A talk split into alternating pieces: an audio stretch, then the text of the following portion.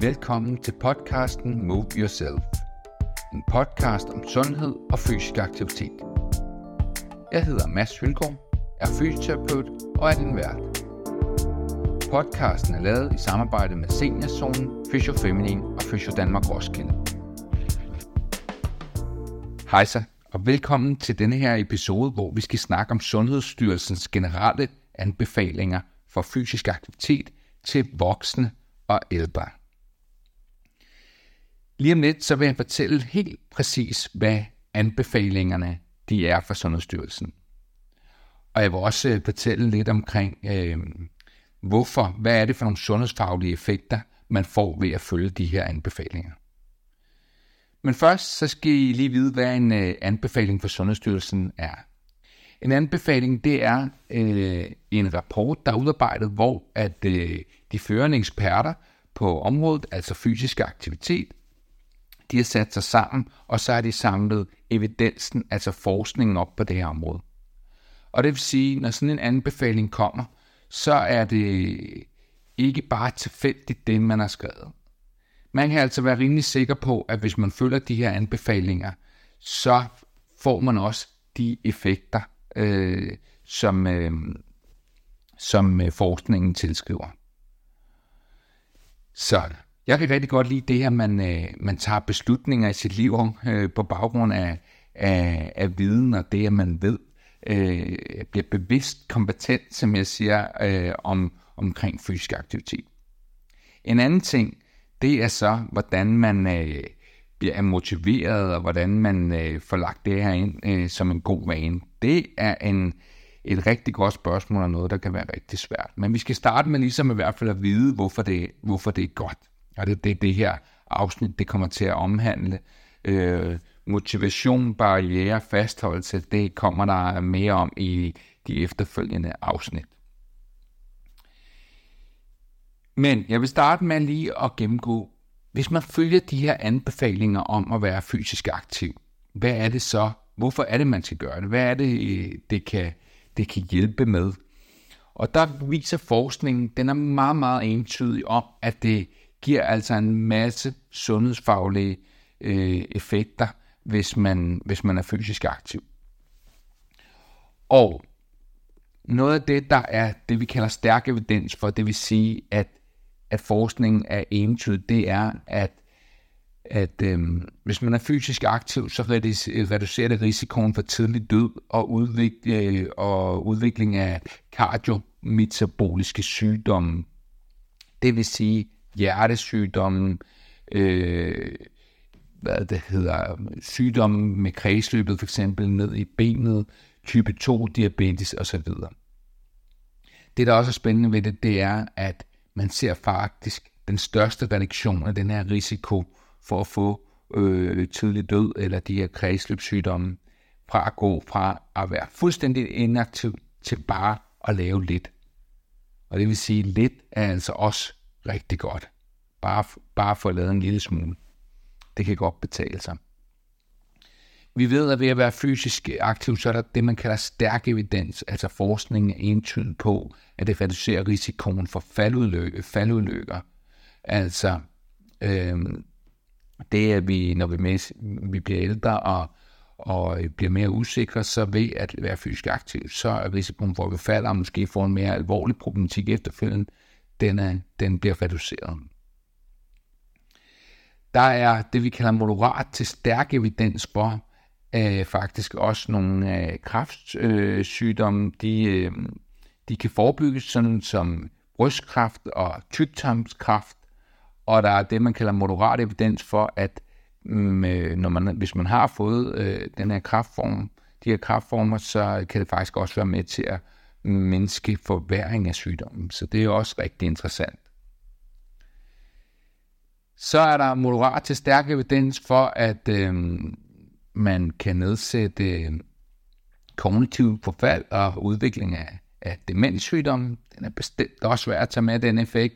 Og det, kunne, øh, det, det her blandt er også øh, øh al, Alzheimer's.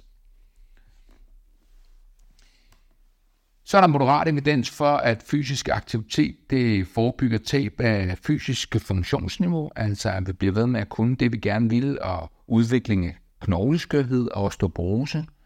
Så, så forskningen er igen meget klar på, at øh, vi holder altså, altså at få flere gode år til livet, hvis vi er fysisk aktive og kan blive ved med at gøre det, vi gerne vil, og nedsætter risikoen for knogleskørhed.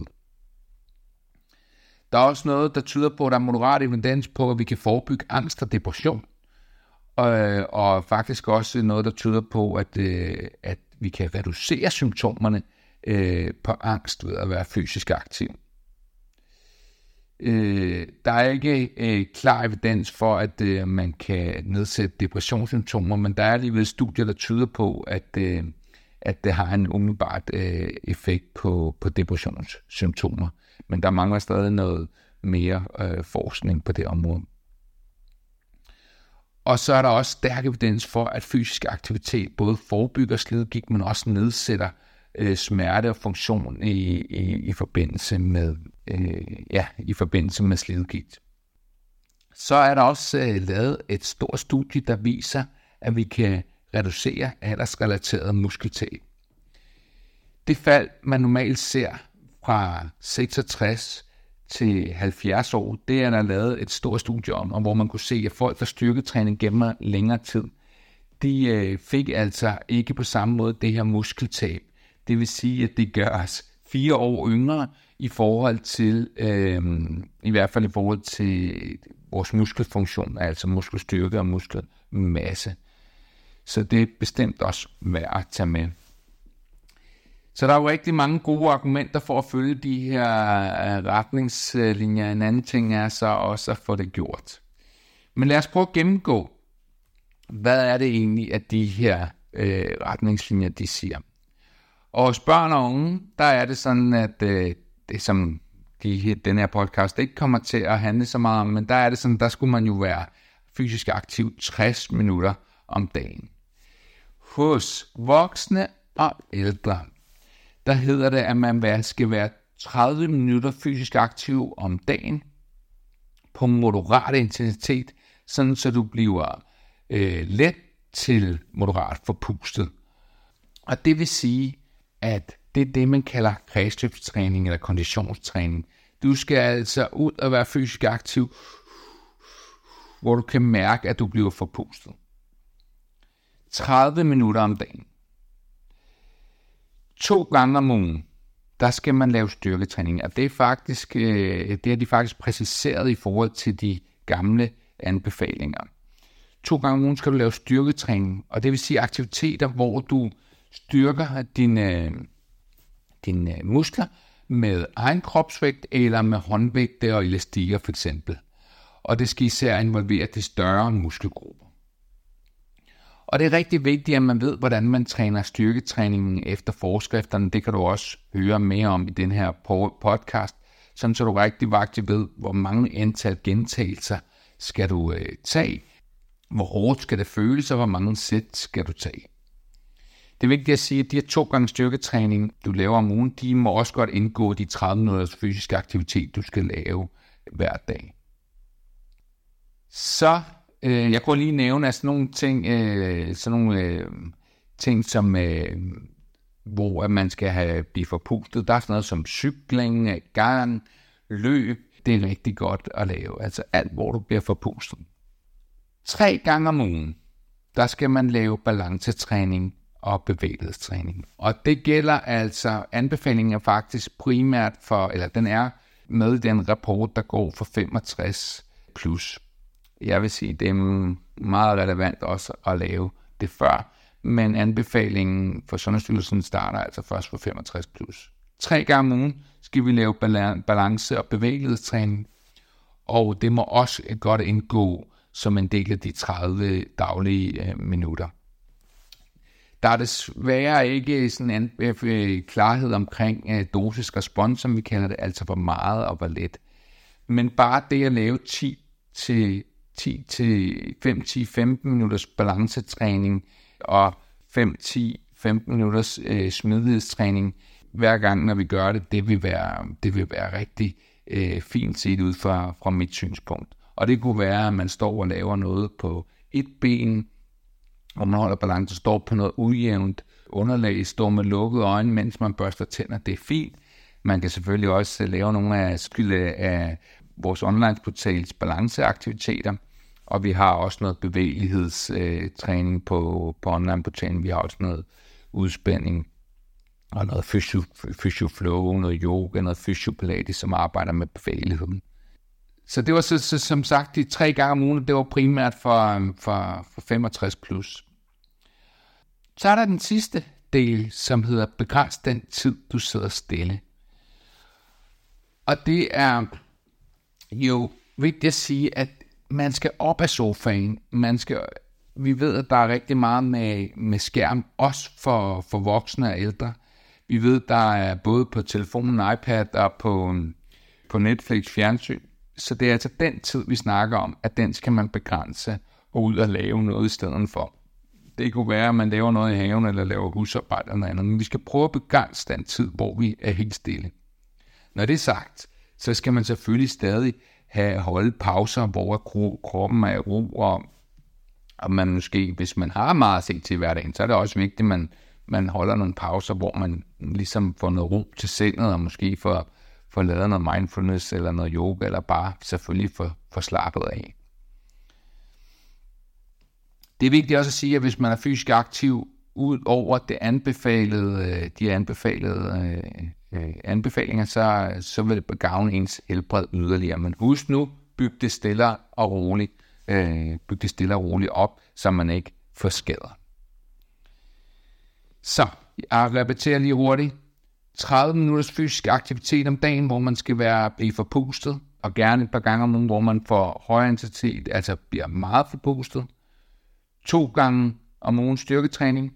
Det må godt indgå i de 30 dages fysisk aktivitet. Når man bliver plus 65, så skal man også lave balancetræning og bevægelighedstræning tre gange om ugen. Og så er det vigtigt både for voksne og for ældre, at man skal begrænse den tid, man sidder stille, er i sofaen, ser fjernsyn, er på sin mobiltelefon.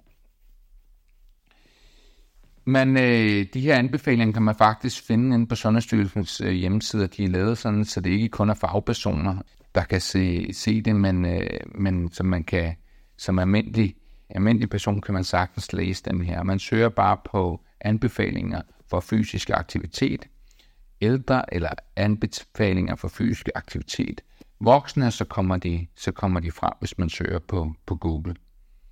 Der findes også faktisk også, som jeg var inde på i starten, en anbefaling for børn, og der findes også et, faktisk en anbefaling for gravide. Men det var sådan lige øh, kort fortalt, at det her, det må godt danne grundlaget øh, for, at øh, hvor man lægger måske sin, øh, tænker, hvor meget skal jeg egentlig lave i løbet af dagen, øh, i løbet af en uge. Og det er også vigtigt at sige, at øh, vores egen online-portal aktiviteter, de er bygget op i temaer, og de her temaer, de samler sig ligesom om, om Sundhedsstyrelsens anbefalinger. Det vil sige, at du kan finde kredsløb og konditionstræningsaktiviteter og øvelser inde under det, øh, det tema, der hedder pulstræning for eksempel. Du kan finde vores aktiviteter, øh, det som du skulle lave, øh, eventuelt styrketræning, det skulle, som du skulle lave to gange om ugen, det finder du inde under det tema, der hedder styrketræning og inde på online-portalen også, der finder du den aktivitet med balance og bevægelighedstræning, der finder du også et tema, der hedder både balancetræning og bevægelighedstræning, så det burde være lige til at gå til. Og en anden ting, det er jo så selvfølgelig at få det gjort, men øh, der kan du måske høre med i et af de kommende, øh, kommende afsnit, hvis du vil have lidt inspiration til vaner, til motivation og barriere.